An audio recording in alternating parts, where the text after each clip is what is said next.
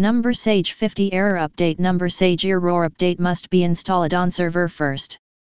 Fixed, Sage error update must be installed on server first. If you are receiving the Sage error update must be installed on server first error, it means that you do not have the latest Sage update installed on your computer. This can be remedied by downloading and installing the latest Sage update from the Sage website. Once you have downloaded the latest Sage update, double-click on the file to begin installation.